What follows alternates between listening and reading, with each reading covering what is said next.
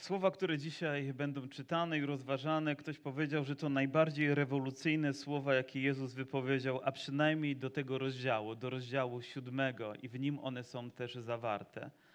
Dlatego, czy wyko wykonają też rewolucję w naszym sercu? Mam nadzieję, że na pewno będą nauką, będą poruszeniem dla naszych serc, ale dla ówczesnych ludzi, którzy je wtedy słuchali, były szokiem. I to ciekawe, że Pan Jezus potrafi nas zaszokować swoją nauką i to w taki sposób szczególny. Dzisiaj też modląc się o słowo, które Bóg ma dla nas, gdzieś na myśl przyszło, przyszło mi takie przekonanie, że Bóg dzisiaj ma coś wyjątkowego też dla, dla jakiejś osoby, która jest tutaj no, bądź słucha nas. Będzie to związane z Twoim powołaniem, z odnowieniem Twojego życia, poświęceniem Bogu Twojego życia, choć wydaje się, że treść, która będzie, nie jest bezpośrednio na to wskazująca, ale Bóg w ponadnaturalny sposób to czyni i cieszę się, że takie myśli są w moim sercu i że one sprawiają, że z radością staję w takim miejscu jak to i dzielę się Bożym Słowem, ponieważ wiem, że ono nie wróci puste, że ono wykona swoje dzieło w sercach Bożego ludu. A więc rozpocznijmy dzisiaj w Ewangelii Marka w rozdziale siódmym i dzisiaj też skoncentrujemy się na tym, co i dla Boga i dla nas powinno być ważne, na co Bóg i my powinniśmy zwrócić szczególną uwagę. Ale rozpoczyna się od tego, że oto pewni ludzie, którzy tutaj są uczonymi w piśmie, są znawcami zakonu, podejrzeli uczniów Pana Jezusa, że jedli chleb nieczystymi rękami, to znaczy, że nieumytymi. Bo wiecie, że słowo nieczysty w Biblii może mieć dwojakie znaczenie. Nie chodzi tylko o ten brud zewnętrzny, tak jak brudne ręce, ponieważ pracowaliśmy, a teraz musimy nimi jeść, ale chodzi też o to, że ktoś jest nieczysty z powodu tego, że jest skalany, że jest niegodny tego, żeby zbliżać się do Boga, żeby w ogóle po to sięgać. A więc to miało znaczenie, gdy te słowa zostały wypowiedziane, a oni bacznie przypatrywali się. Można powiedzieć, że patrzyli uczniom na ręce, prawda? I kiedy ty jesteś człowiekiem wierzącym i znajdziesz się w jakimś środowisku i przyznasz się do tego, że jesteś wierzący, powiem ci, ludzie będą ci patrzeć na ręce. Będą obserwować każdy twój gest, każde twoje zachowanie, każdą twoją reakcję na to, co się dzieje i możesz się spodziewać, że gdy tylko sięgniesz brudnymi rękami po jedzenie, to oni to zauważą, nie omieszkają ci to, ci to wytknąć. Ale um, oni wytknęli Panu Jezusowi to, co było ich ludzkim zwyczajem, albowiem faryzeusze i wszyscy Żydzi zachowywali naukę starszych i nie jedzą, jeśli przedtem nie umyją starannie rąk. A więc wyraźnie jest tutaj stwierdzone, że jest to nauka starszych. Oto zakon składał się z dziesięciu przykazań, co było jego kręgosłupem i główną treścią, ale później czytamy cały pięcioksiąg mojżeszowy, który jest wypełniony wieloma różnymi ustawami, przepisami, które miały być przez Izraela wykonywane.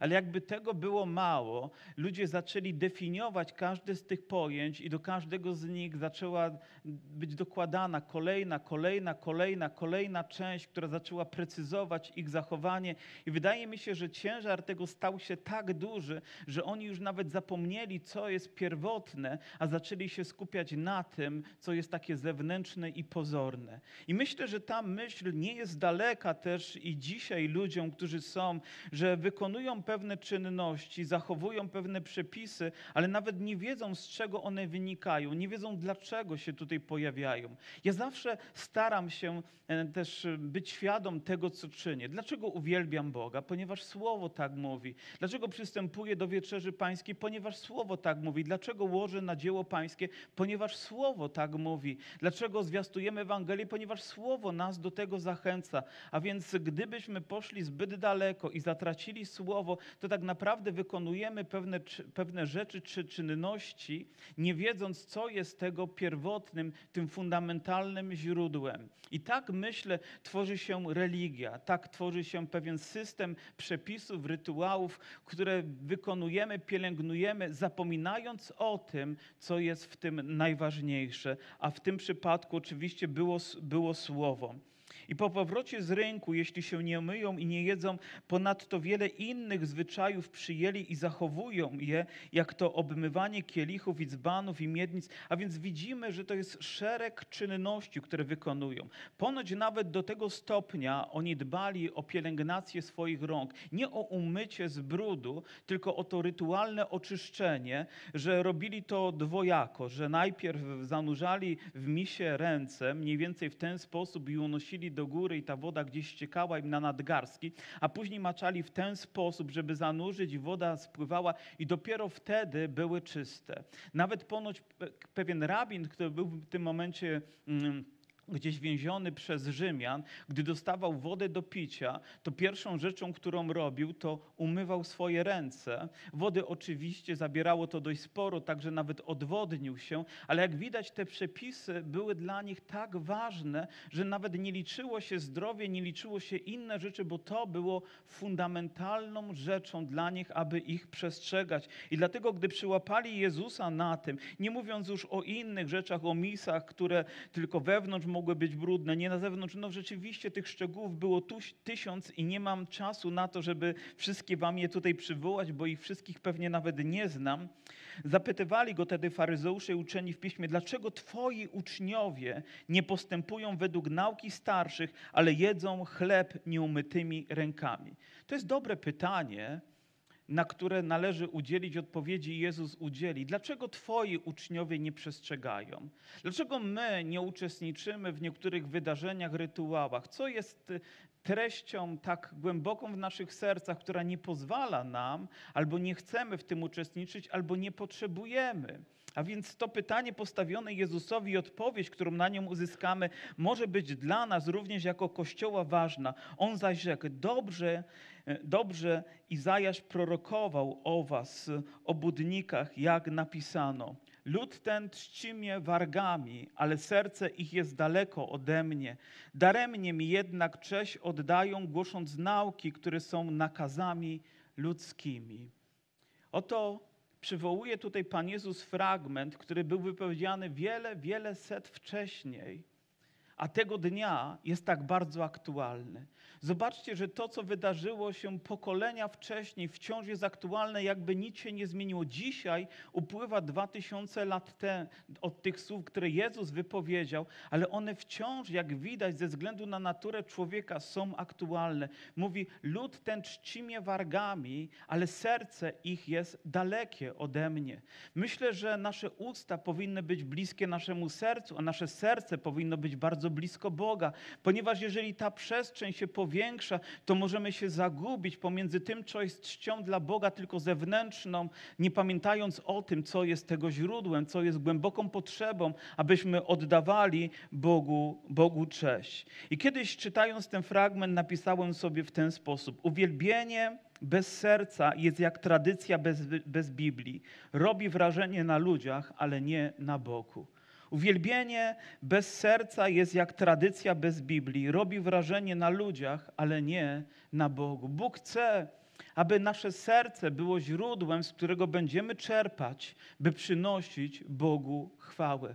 Nieważne jest nawet to, jak zewnętrznie dzisiaj przyszliśmy ubrani. Nieważne, czy nasze ręce są mniej czy bardziej czyste, choć oczywiście dzisiaj szczególnie staramy się dbać i pielęgnować o to, ale Bóg chce, żebyśmy przychodzili do Niego ze szczerym, czystym sercem. I do tego wzywał Izraela również Bóg, nawet za czasów zakonu, mówiąc: Pamiętajcie o tym, co najważniejsze. Będziesz miłował Pana Boga swego. I później wymienia z całego serca, duszy, myśli, sił. A więc pamiętaj o tym Izraelu, aby tego nie zgubić, bo wszystko inne przestanie mieć znaczenie. A oni wszystko inne przywołali, a to, co pierwotne, przestało mieć znaczenie.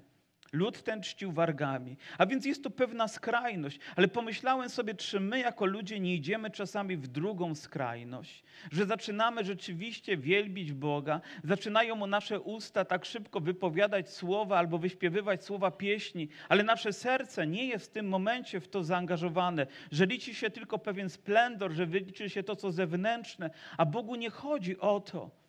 Chodzi o to, co wewnętrzne. Kiedyś słyszałem pewną historię, ona oczywiście jest takim kaznodziejskim przykładem, o pewnym bracie, który regularnie wychodził do miasta, gdzieś do parku, stawał, żeby śpiewać pieśni dla Boga. Otwierał jakiś stary śpiewnik i śpiewał pieśni i niektórzy ludzie zatrzymywali się, żeby posłuchać. On później mógł z nimi rozmawiać na temat Ewangelii, ale miał serce dla Boga. Miał też pewien dar, nie był wybitnym śpiewakiem, ale miał dar do tego, żeby śpiewać i robił to. Robił to, gdy było słońce i gdy był deszcz, robił to regularnie, aż pewnego dnia przyszli do zboru ludzie bardziej utalentowani, powiem z lepszymi głosami, z lepszymi talentami i postanowili, że będą to robić razem z nim. I pojawił się tłum. Ich głosy przyciągnęły uwagę ludzi. Ludzie zaczęli klaskać, gdy oni się pojawiali. I ten brat zachorował, e, odszedł do Pana i gdy stanął przed Bogiem, mówi, Panie Boże, mówi, mam jedno pytanie, jedno pytanie. Powiem, ja tam stawałem, stawałem, starałem się oddawać Tobie chwałę i Bóg mówi, to było dobre. A później mówi, a dobrze, ale teraz jak jest z tymi braćmi, którzy kontynuują? Czy dalej jest uwielbienie? A Bóg mówi, jakie uwielbienie? Nie liczy się to, co zewnętrzne. Liczy się to, z jaką postawą stajemy. I nie chodzi o to, czy umywamy, czy nie umywamy rąk, ale jak dalekie jest nasze serce. I oto przykazania Boże zaniedbujecie, a ludzkie nauki, a ludzkiej nauki się trzymacie. Myślę, że to kolejny fragment, który mówi nam, jak daleko możemy odejść w tradycję, w pewne zwyczaje od Bożego Słowa. Tak rodzi się religijność i po raz kolejny to, po, kolejny to podkreślę, gdy zaniedbujemy Boże Słowo, a idziemy w to, co staje się ludzką nauką. Czy jest to dalekie? Czyż nie myślicie o tym, że jest to bliższe niż możemy sobie wyobrazić? Że uczestniczymy w czymś, ale nie mamy świadomości tego, co może być tego źródła? I mówił im, chytrze uchylacie przykazania Boże, aby naukę swoją zachować. Te dwa słowa chytrze uchylacie są jak groza dla mojego serca, bo są przebiegli i uchylają Boże Słowo, żeby wprowadzić swoje tradycje i swoją kulturę i swoje zachowania. Nawet jeżeli ktoś z ewangelicznych ludzi zaczyna coś czynić, to my musimy uważać również, żeby nie zrobił to w chytry sposób, uchylając Boże Słowo i wprowadzając pewne zwyczaje, pewne nauki, które nie mają nic wspólnego z Ewangelią. Nie tak dawno dostałem pewną wiadomość.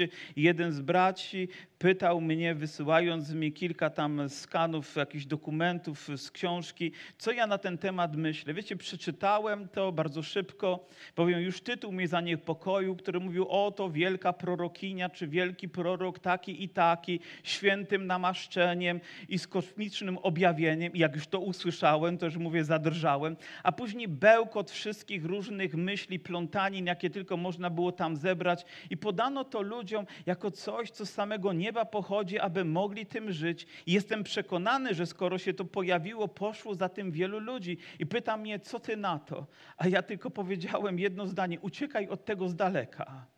Uciekaj od tego z daleka, co nie pochodzi od Boga, co nie jest zbudowane na fundamencie Bożego Słowa, co jest ludzką tradycją, ludzkim wymysłem, ale nie ma tam treści, nie ma tam serca, nie ma tam Boga. Uciekaj od tego. Uciekaj od ołtarza, który jest bez poświęcenia. Uciekaj od nauki, która nie ma nic wspólnego z Ewangelią. Uciekaj. Uciekaj od takiego duchowego populizmu. Po prostu uciekaj, ponieważ będzie to niebezpieczne również dla ciebie. I Pan Jezus chciał powstrzymać swoich uczniów pewnie od tego z daleka. Mówi, uchylacie. Wiecie, słowo uchylanie w Biblii ma wielo, wielkie znaczenie, ponieważ uchylać to znaczy nie trafić celu, a nie trafić celu to znaczy zgrzeszyć. A więc innymi słowy ci ludzie zaczęli żyć w grzechu, bo zaniedbali Boże Słowo, a wdrożyli z wielką mocą tradycję i rutynę w swoim postępowaniu. Tak, był splendor, tak, były emocje, tylko nie było tam Boga, nie było tam Bożej chwały, było może tak jak w Księdze Objawienia, gdy Pan stoi na zewnątrz, a tam dzieje się nabożeństwo. Mówi, wpuśćcie mnie, ponieważ chciałbym być w środku. Bóg chce być na pierwszym miejscu. On chce, żeby Jego Słowo było na pierwszym miejscu i wszystko z Niego ma wynikać w naszym życiu. Amen? Ponieważ liczy się to, co jest w naszym sercu. I gdy Bóg rozpoczyna tam swoje dzieło, to jest rewolucyjne, to jest chwalebne, to jest godne naszego Pana.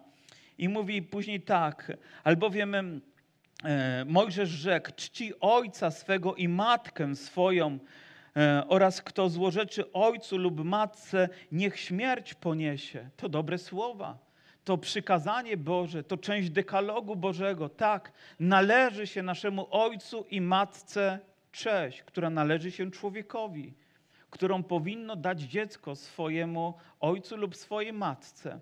Myślę, że to dzisiaj jest w ogóle trudne, żeby wypowiadać gdziekolwiek, dyscyplinując dzieci do posłuszeństwa swoim rodzicom, ale nie będę jakby tego tematu tutaj rozwijać, tylko powiem Wam pewne świadectwo z mojego życia. Nawróciłem się, oddałem swoje życie Jezusowi, wychowywałem się w tradycyjnej, religijnej rodzinie, jak pewnie w przeszłości większość z Was, i zacząłem poznawać Boże Słowo, a wraz z poznaniem zaczęła rosnąć moja duchowa arogancja. Ja wiem więcej niż moi rodzice, ja rozumiem więcej niż moi rodzice. Co oni będą teraz mówić? Ja jestem tutaj dzieckiem Bożym, ja jestem Bożym pomazańcem, ja wiem, co mam robić, oni mi nic nie będą mówić. I takie myśli zaczęły się we mnie rodzić, aż pewnego dnia, czytając inny fragment Bożego Słowa, mówi o tym, że dzieci mają być posłuszne rodzicom swoim, przeczytałem. I akurat w tym momencie też sięgnąłem po jeden z komentarzy Billy Grahama i on dotknął mojego życia, ponieważ on powiedział tak, pamiętaj, i mówił pewnie do młodych ludzi takich jak ja, mówił do mnie, pamiętaj, że ten fragment nie mówi o dobrych rodzicach. Ten fragment nie mówi nawet o wierzących rodzicach ten fragment mówi o rodzicach. A ty powinieneś okazać im należne posłuszeństwo i oddać im należną cześć. I zadrżałem wtedy. Potrzebowałem zmiany mojego sposobu myślenia, patrzenia na moją mamę, na mojego tatę z takim szacunkiem, jaki Bóg chce, żebym okazał im to, co im się należy. Bym był jeszcze lepszym dzieckiem niż byłem wcześniej. Ale to idzie dalej. Oczywiście mógłbym tutaj tą myśl rozwijać w nieskończoność. Wy zaś mówicie, jeśli człowiek rzekł ojcu albo matce korban, to znaczy to, co się Tobie e, ode mnie należy jako pomoc, należy, należy jest darem na ofiarę, już nie pozwalacie mu nic więcej uczynić dla ojca czy matki. Tak unieważniacie Słowo Boże przez swoją naukę. Oto znowu ciekawe zagadnienie, bo z pewnością to słowo nie pojawia się co róż, jak Alleluja, jak Amen, jak chwała Bogu, korban. Ono zostało wypowiedziane w pewnej okoliczności, a więc wyobraźcie sobie, że dostajecie premię gdzieś z zakładu pracy i powiedzielibyście, będąc w Starym Testamencie, korban. To znaczy, że te pieniądze zostaną ofiarowane Bogu, że one nie mogą być przeznaczone na nic innego, tylko będą przyniesione do świątyni i będą służyć Bożej chwale. To było święte, to było nietykalne, to nie można było tego użyć inaczej. Jeżeli mówisz, to jest korban, to znakiem tego, że należy się Bogu. Ale jak to ludzie zaczęli to słowo nadinterpretowywać i doszli niektórzy do tego, że na przykład miałeś dłużnika, i wtedy e, on ci był winny pieniądze i wypowiadasz słowa, ponieważ nie chciał ci oddać, te, te pieniądze są korban to oznacza, że one już są święte i on nie może z nimi inaczej zrobić, jak oddać temu, do którego one należą, aby ten właściwie nimi zadysponował, ale ten drugi oczywiście w swoich, y, swojej mądrości część oddał Bogu, a większą zachował sobie. I ludzie w ten sposób próbowali respektować prawo Boże. Ale powiedzcie mi, gdzie tu jest serce? Oczywiście, że można się wycwanić, oczywiście, że można zachowywać takie pozory, ale to nie ma nic wspólnego z Bożym Słowem, z Jego mocą. I znowu ten fragment, tak unieważniacie Słowo Boże przez swoją naukę. Czy znowu nie jest to jakby definicja religijności, że człowiek przez swoją naukę unieważnia to, co pochodzi od samego Boga, że słowo ludzkie, jego cytaty stają się ważniejsze niż to, co mówi sam święty Bóg. Czyż nie to słowo powinno być dla nas fundamentem? I znowu przywołał lud i rzekł do nich: Słuchajcie mnie wszyscy i, i, zrozumiejcie. Nie masz nic na zewnątrz poza człowiekiem, co by wchodząc w niego, mogło go kalać, lecz to, co wychodzi z człowieka, to kala człowieka. Jeśli kto ma uszy, niechaj słucha. A więc Pan Jezus zaczyna tutaj dotykać rzeczy, które naprawdę mają rewolucyjne znaczenie dla tych, którzy je słuchali, ponieważ zaczyna dokonywać mm, no, no czegoś, co dla nich się kłóci dzieci. Mówi, jak to? Przecież my wychowywani w tym, żeby respektować te prawa i zachowywać z, dużym pietyzmem to, co mamy jeść, od tego, co mamy nie jeść, a ty teraz zaczynasz nam mówić o tym, że nieważne jest to, co do nas wchodzi, ale w to, co w nas wychodzi, a co z tymi wszystkimi nieczystymi pokarmami, które określa zakon. A Pan Jezus mówi, nie, to, co, nie kala cię to, co do ciebie wchodzi, ale to, co z ciebie wychodzi, to kala człowieka. Jeśli kto ma uszy, mówi, niechaj słucha, bo nie wchodzi do serca, lecz do żołądka i wychodzi na zewnątrz, oczyszczając wszystkie pokarmy. Mówił bowiem, to, co wychodzi z człowieka, to go kala. Albowiem z wnętrza serca ludzkiego pochodzą złe myśli, wszeteczeństwo, kradzieże, morderstwa, cudzołóstwo, chciwość, złość, podstęp, bluźnierstwa, zawiść, bluźnierstwo, pycha i głupota.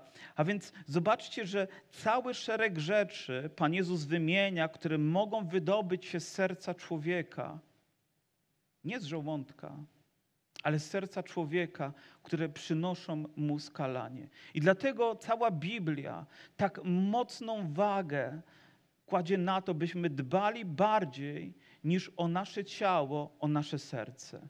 My żyjemy w kulturze, gdzie podkreśla się ważność ciała i zaniedbało się serce, zaniedbało się ducha.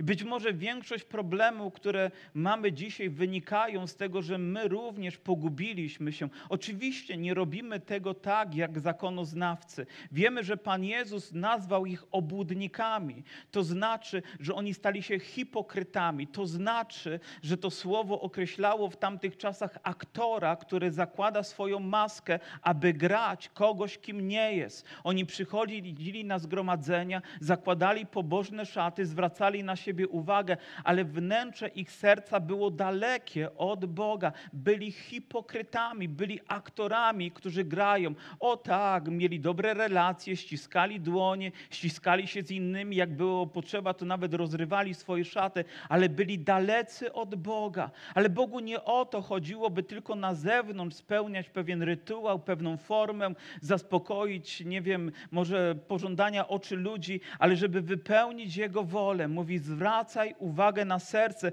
bo stąd pochodzi całe niebezpieczeństwo dla Twojego życia. I zaczyna od tego, że pojawiają się w sercu człowieka złe myśli, a one zaczynają owocować innymi rzeczami dotyczącymi naszej seksualności, dotyczącymi zarządzania naszymi finansami, naszymi emocjami, które będą targane, ale zaczyna się od złych myśli, które pozwolimy, aby zostały tam umieszczone. Oczywiście, że nie mamy wpływu na to, czy jakaś myśl powstaje, czy nie. Powiem, jedziesz drogą, widzisz plakat, od razu jakaś myśl może z tego powodu się zrodzić. Widzisz coś, co zostało ci okazane, od razu pewnie wzbudzi się jakiś sposób myślenia. Ale to nie znaczy, że on ma się w tobie utrwalić i pozostać. Ty masz odwrócić swoją uwagę, swój wzrok, swoje serce od tego. Ty masz zadbać o to, żeby to zostało wyplenione z twojego życia, aby nie zaowocowało tam nie utrwaliło się, a później nie przyszło z gorszym, z gorszym jeszcze pożądaniem. Kiedyś czytałem pewną książkę o kobiecie, która po prostu czuła się taka samotna, czuła się taka e, niezrozumiana przez rodzinę, przez swojego męża. Powiem, miała trochę czasu i postanowiła, że pewnego dnia pójdzie się zabawić do kasyna. Mówi, o nie, oczywiście jestem bardzo zdyscyplinowaną osobą. Wzięła ze sobą 5 dolarów, czy może jakąś niedużą kwotę i mówi, jedynie to jestem w stanie przegrać grać. Ale ta atmosfera, muzyka gra, ludzie się tam śmieją, bawią, pociągają i, i, i zapach i, i euforia, która temu towarzyszy, powiem, podobało się, po prostu wyluzowała się. O, pierwszego dnia przegrała te 5 dolarów, ale później znalazła sobie taką inną grę, w której okazało się, że była coraz lepsza. Dobrze jej szło. Ludzie klepali ją po ramieniu. W domu tego nie robili, ale w kasynie tak, o dobrze ci idzie, o fajnie. Więc mówi, to nie 5 dolarów, ale 25 dolarów. A więc zaczęła z takim budżetem chodzić i nawet zaczęła wygrywać. Pewnego dnia wygrała 500 dolarów. Myśli sobie, o, jestem w tym dobra. Nikt w domu nie docenia, ale tutaj mnie doceniają. A później zaczęła wygrywać tysiąc dolarów. Mówi, o, naprawdę mi nieźle idzie. I była ekspertką i chodziła tam regularnie, systematycznie każdego dnia. Wygrywała coraz większe kwoty pieniędzy. Mówi, w czymś naprawdę jestem dobra. Aż doszło do tego, że pewnego dnia zaczęła przegrywać pieniądze. Konto zaczęło topnieć. Już to nie były kwoty tysiąca dolarów, ale zaczęły sięgać dziesiątek tysięcy dolarów. Zaczęła je przegrywać, nie mówiła nic swojemu mężowi, ale wciąż atmosfera była dobra. Ona się tam odnajdywała. Wiecie, zaczęło się od pięciu dolarów, a skończyło się na długu w stu tysięcy dolarów. I sobie, jest bankrutką, trzeba dom zastawić. Nawet bez wiedzy męża zrobiła to, zostawiła dom, uczyniła ich bankrutami, ale przyszedł spadek po mamie. Kilkaset tysięcy dolarów, aleluja, wybawienie, spłaci długi, będzie wolna. I nawet nie chodziła do kasyna, aż pewnego dnia przysłali do niej informację, wie pani co, może by pani pojechała na wycieczkę. My jako kasyno pani po prostu tutaj fundujemy, bo nie chodziła do nich. A więc wysłali ją gdzieś w jakieś piękne miejsce ale tam też było kasyno. Tam też była możliwość wejść i, i jakby na nowo zaszczepić swoje serce tą atmosferą. Wiecie, jaki był efekt? Że nawet ten kilkaset tysięcy dolarów przegrała, które zostało jej zdeponowane na konto, a zaczęło się od małej myśli, pójdę, żeby się wyluzować. Nigdy nie wiemy, jak taka rzecz może skończyć się w naszym życiu. Nigdy nie wiemy, jak porządliwość może zaowocować, do jakiego wszeteczeństwa, do jakiego cudzołóstwa, do jakichś innych rzeczy doprowadzi. Nigdy nie wiemy, jak nasze finanse będą wyglądać, jeżeli źle będziemy nimi zarządzać, jeżeli nie będziemy nimi czcić naszego Boga, jeżeli będziemy porządliwi w naszych sercach, jeżeli będzie tam pycha i arogancja. Na zewnątrz będziemy zakładać maskę pobożności, ale wewnątrz będzie, będą działy się złe, tragiczne rzeczy. Pan Jezus mówi, z jednego powodu, bo zapomnieliście o tym, co najważniejsze, wasze serce. I myślę, że jako Kościół powinniśmy wciąż o tym pamiętać, co jest najważniejsze w naszym życiu. Amen. A jest nim serce, dbałość o niego, pielęgnowanie jego czystości, jego świętości i jego chwały dla Boga. I oto pójdziemy dalej, ponieważ mamy jeszcze chwileczkę czasu. Uzdrowienie córki niewiasty greckiej. Oto w tym fragmencie dowiadujemy się znowu czegoś rewolucyjnego. Słowa Jezusa wcześniej były rewolucyjne rewolucyjne, bo oto Pan Jezus mówi, nie kala to, co do nas wchodzi, ale to, co w nas wychodzi. Powiem, nie pokarm, nie to, co jesz, jest tego przyczyną, ale myśli, które tam powstają, to jest największa zaraza, z którą człowiek sam sobie nie poradzi, tylko łaska Boża może nas z tego, z tego uwolnić. I chwała Mu za to, że On to czyni do dnia dzisiejszego. Zrozumieliście, czy mam powtórzyć jeszcze raz? Dobrze, to pójdziemy dalej. I znowu Pan Jezus przekracza pewne granice. Idzie, jak niektórzy teologowie twierdzą, do ziemi pogańskiej. I to ciekawe jest, że Pan Jezus przekracza tą granicę. On był posłany do Izraela, ale przekracza na moment tą granicę, żeby pokazać, że Ewangelia jest dla Żydów, ale nie tylko dla Żydów, że ona jest również dla pogan, że ona jest dla każdego człowieka. Aleluja! Pan Jezus dał nam taki wspaniały wzór i sprawił, że Ewangelia dotarła do dnia dzisiejszego. Poza tym ta ziemia, w której On był, była ziemią, którą Bóg obiecał też Jozuemu, że wejdzie do niej i posiądzie ją, ale nie wszedł i nie posiadł tej ziemi. Ale Pan Jezus tam wszedł bez miecza, bez tarczy, bez procy, bez arsenału militarnego, żeby ją posiąść. Ponieważ tym, co zdobywa ziemię Bożego obietnic, jest Boża miłość, jest Boża łaska. Nie potrzebujemy do tego miecza, ale potrzebujemy tego, czego wykonał Jezus. I On tam, gdy jest, oto wydarzyło się, że przyszła do Niego pewna niewiasta, której córka miała ducha nieczystego i skoro usłyszała o nim, przybiegła i padła mu do nóg. A niewiasta ta była Greczynką, rodem z, Syrofenicji i prosiła go, aby wypędził demona z jej córki. A on rzekł do niej, pozwól, aby najpierw nasyciły się dzieci, bo niedobrze jest zabierać chleb dzieciom i rzucać szczeniętom. I oto przychodzi do niego kobieta, nie o siebie prosi, ale o dziecko prosi. Wiecie, sytuacja staje się nie tylko poważna, ale dramatyczna. Patrząc na tą historię, myślę sobie, jak wielu ludzi dzisiaj oddałoby wszystko, żeby ich dzieci były zdrowe, prawda? Myślę, że nie ma tutaj takiego rodzica, który kochając swoje dziecko nie powiedziałby: Boże, zabierz moje życie, a daj życie mojemu dziecku. Wszyscy podnieślibyśmy nasze ręce i powiedzielibyśmy tak, ponieważ tak bardzo je kochamy, tak bardzo nam na nich zależy. I to małe dziecko było opętane przez demona. Już nie ma czasu, żeby wejść. Jak to może się stać, że małe dziecko ma tak wielki problem, że to nie jest wynikiem jego świadomych, złych decyzji, że gdzieś w świecie zaprzedał się grzechowi, ale po prostu małe dziecko nawet może mieć problemy, z którymi rodzic nie potrafi sobie poradzić. Drodzy rodzice, nie ma lepszego miejsca dla waszych dzieci niż przyprowadzać je tam, gdzie jest Jezus. Ponieważ tylko On może im dać to, czego wy nie jesteście w stanie im dać. I nie kiedyś, ale gdy tylko się urodzą, tam jest ich miejsce, tam jest atmosfera Bożej obecności, tam jest bezpieczeństwo dla ich życia. Przyprowadzajcie je. Przyprowadzajcie je. One naprawdę tego potrzebują. Nawet jeżeli czasami jest to trudne i czasami obarczone pewnymi rzeczami, które nie są dla nas jako rodziców wygodne, ale nic nie zraziło tej kobiety, żeby przyjść, żeby zacząć prosić u Jezusa o to, aby On mógł jej dać. Przybiegła, zobaczcie, padła, usłyszała tylko o Nim. I skoro tylko usłyszała o Nim, to słowo skoro może oznaczać, że natychmiast, gdy tylko usłyszała o Jezusie, zareagowała tym, że przybiegła, padła do Jego nóg. I proszę, zwracajcie też uwagę na postawę, z którą ona przychodzi do Pana Jezusa i, i, i to, w jaki sposób się do Niego zwraca, jak z Nim rozmawia i prosi Go. A Pan Jezus jakby na jej odpowiedź mówi, pozwól, aby najpierw nasyciły się dzieci, nie szczenięta, ale dzieci, bo do nich przyszedłem, aby im dać. Mówię, nie wiem, co wy byście zrobili, gdybyście usłyszeli taką odpowiedź na waszą modlitwę. Innym słowy, co robisz, gdy twoja modlitwa nie jest od razu wysłuchiwana? Obrażasz się, odwracasz się, zniechęcasz się, załamujesz się? Czy jesteś dalej konsekwentnie wytrwały w tym, aby modlić się, aby nie zrażać się tym? Ona jakby nie zgadzała się z tym, że Jezus mówi nie, dopóki nie usłyszy tak, prawda? Ona walczyła o to i przybrała naprawdę wielką, pokorną postawę przed Panem Jezusem. Pan Jezus mówi: Nie rzuca się szczeniętom jedzenia, które daje się dzieciom.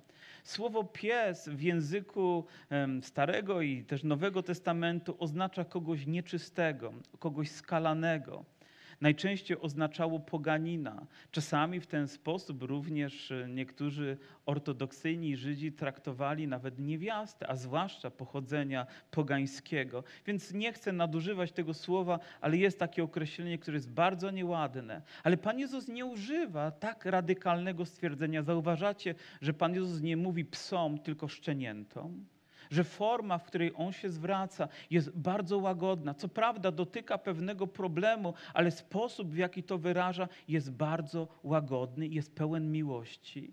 I myślę, że to zachęca też tą kobietę, żeby dalej rozmawiać z Jezusem. On nie mówi, idź precz, nie chcę cię tutaj widzieć, ty i rzuca tutaj słowo, jesteś jak pies i może jeszcze inne rzeczy, ale on mówi, nie rzucaj się szczeniętom.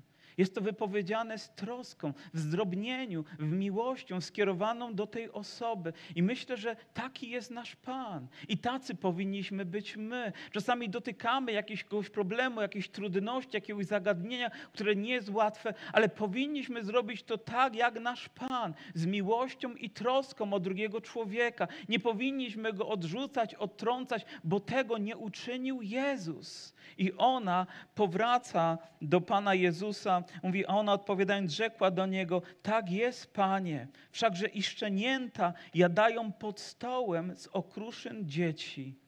I gdy przeczytałem te słowo, dwa słowa pojawiły się w moim sercu. Pokorna determinacja.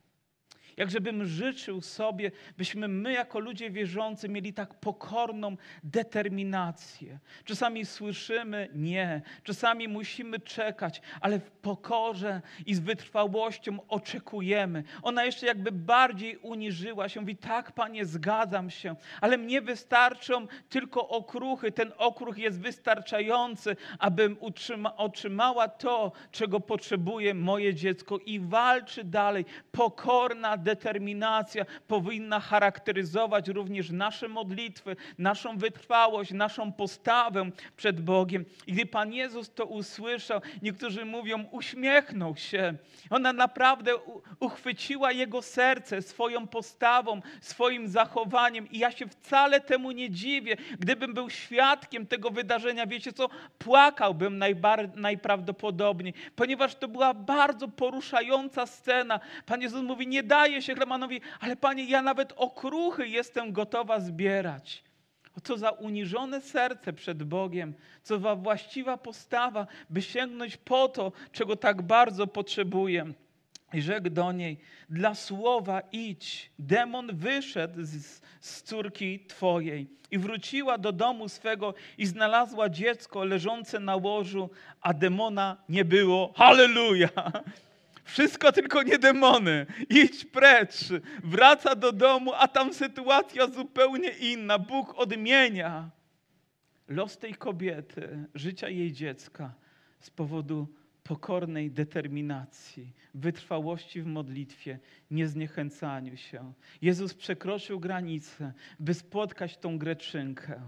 Inni by powiedzieli: O, ona jest nieczysta, ona jest niegodna, ale jej postawa serca sprawiła, że stała się tak bliska Jezusowi. I dzisiaj jej postawa jest tym, co sprawia, że my z pokorną determinacją chcemy prosić: Panie, daj nam chleba. Nawet Twoje okruszyny. Kiedyś czytaliśmy o tych koszach okruszyn, które pozostały, gdy Pan Jezus rozmnożył. Ja bym z nich jadł. Tyle, ile się da. Ja chcę żyć każdym słowem, każdym Bożym tchnieniem, każdym promykiem Jego nadziei, Jego miłości. Tego pragnę. Nieraz przychodzisz na nabożeństwo może dla jednej pieśni, dla jednego słowa, dla jednej myśli, ale to wystarczy, by Twoje serce doznało tego wszystkiego, czego potrzebuje. Tego wszystkiego. Ponieważ Bóg Cię kocha. Mamy jeszcze czas, prawda? Jeszcze jedna historia. Musimy zakończyć ten siódmy rozdział, bo z Ewangelią Marka do wieczności wejdziemy. Może dobrze by było. A gdy znowu przyszedł w okolice Teru, przyszedł Sydom nad Morze Galilejskie, środkiem ziemi, dziesięciogrodzia i przynieśli do niego głuchoniemego i prosili, aby położył na nie rękę. I znowu człowiek w potrzebie, znowu przyprowadzili do Jezusa. Wiecie, gdzie jest miejsce dla ludzi potrzebujących. Wiecie, kto może tylko tego dokonać. I wziąwszy go na bok od ludu osobno, włożył palce swoje w uszy jego, splunął i dotknął się jego języka. Spojrzał w niebo, westnął i rzekł do niego Efata. To znaczy otwórz się. Całe kazanie kiedyś powiedziałem na temat słowa Efata, na temat otwórz się ponieważ w tym momencie miało tak, znaczą, tak wielkie znaczenie dla tego człowieka. Nie, nie wiem, nie próbuję określać kalectwa, co jest gorsze, czy być niewidomym, czy być głuchym, ale człowiek niewidomy, gdy słyszy, to wie, gdzie się obrócić, wie, z którego miejsca, może nawet wyczuje odległość, zna kierunek ale ponoć ludzie, którzy nie słyszą, powiem, to powoduje też duże obciążenie, duże emocje, ponieważ chcą, ktoś do nich się zwraca, oni tego nie słyszą, to może powodować naprawdę wielkie, wielkie, wielkie rzeczy, złe rzeczy w życiu człowieka. I dodatkowo ponoć ten człowiek jeszcze miał wadę wymowy, bo często się zdarza, że ludzie, którzy nie słyszą, gdy wypowiadają, to ich słowa są takie charakterystyczne, niepełne, trzeba ich jakby uczyć na nowo mówić, są specjalne szkoły do tego, żeby ludzi tego uczyć. A więc ten człowiek miał podwójne podwójny problem. Nie tylko nie słyszał, ale nie potrafił nawet wyrazić tego, co potrzebuje. Był niezrozumiały dla innych, gdy to wypowiadał. Ludzie wtedy jeszcze nie mieli takiej wiedzy, umiejętności, żeby tych ludzi nauczyć. Być może jego słowa były tylko pomrukami, które wydawał, jakimiś słowami, które inni nie rozumieli, a on wyrażał wtedy potrzeby, pragnienia swojego serca, ale Jezus go rozumiał. Bardziej niż nawet ci, którzy go do niego przyprowadzili. Widział ból, widział cierpienie, które nosi w sobie i tylko on. I włożył palce w jego uszy i splunął i język pomazał. Dwie rzeczy zrobił. Nasz Pan to jest dwa w jednym, nie? Od razu powiem, i słuch został uzdrowiony, i on zaczął poprawnie mówić: Chwała Jezusowi. Ale czy Bóg nie to czyni również w naszym życiu? Otwiera nasze uszy, byśmy słyszeli, otwiera nasze usta, byśmy mogli oddać Mu chwałę. I on zaczął poprawnie mówić. On nie musiał się nawet tego uczyć. Panie Boże, gdyby tak dało się z jakimś językiem obcym, włożyć rękę i od razu zaczynamy. I tak jest darem mówienia językami, ale rozumiem też w tych może zrozumiałych, bardziej w cywilizowanym świecie fajnie byłoby, prawda? Ale od razu to cud. Tylko Bóg może takie rzeczy dokonywać. Tylko Bóg może dokonać cudów w Twoim życiu. Pamiętaj o tym, co w Twoim życiu jest najważniejsze. Liczy się serce. Ta kobieta miała serce. Ten człowiek miał serce, miał swoje potrzeby, może nawet większe niż związane ze swoimi uszami. Pan Jezus chciał, żeby słyszał pewnie Ewangelię, żeby mnie rozumiał, żeby mógł go uwielbiać. Z pewnością do tego to również prowadziło.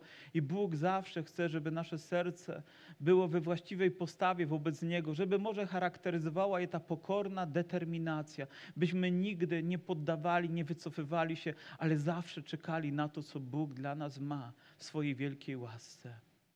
Jeżeli chcecie więcej, to chyba musicie na drugie nabożeństwo zostać, bo tam mam czas nieograniczony, ale tutaj zakończymy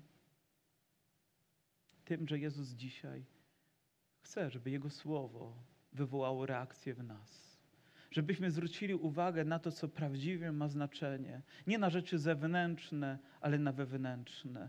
Nie na to, jak ludzie nas oceniają, ale na to, jak Bóg patrzy na nas. Nie na to, czy zaspokoimy splendor jakiejś religijności, czy rzeczywiście przyniesiemy i oddamy Bogu chwałę, to, co jest oparte na Bożym Słowie, to, co jest fundamentem. Czy dzisiaj gotowi jesteśmy przyjść, paść na kolana i nawet gdy usłyszymy nie, to nie wstawać z nich tak długo, aż Jezus powie swoje wielkie, wspaniałe tak, by pobłogosławić nasze serce, pokorna determinacja. On otwiera oczy, e, przepraszam, uszy, tak, oczy też oczywiście, otwiera język i mówi Efata, otwórz się. Może to słowo dzisiaj jest potrzebne Tobie, powiedziane nad Twoim życiem, otwórz się. Niech otworzy się Twoje serce, niech zostanie zrzucona maska pobożności, udawania kogoś, kim nie jesteś. To jest hipokryzja. To jest aktorstwo, to nie jest chrześcijaństwo. Ono opiera się na słowie.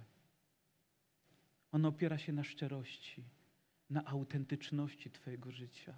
Ono opiera się na prawdzie, której Bóg chce w Twoim życiu. Efata, otwórz się na Niego. Otwórz swoje serce. A On powiedział, a ja wejdę i będę z Tobą wieczerzał. I zobaczysz, co to jest za uczta. Pochylmy nasze głowy i módlmy się.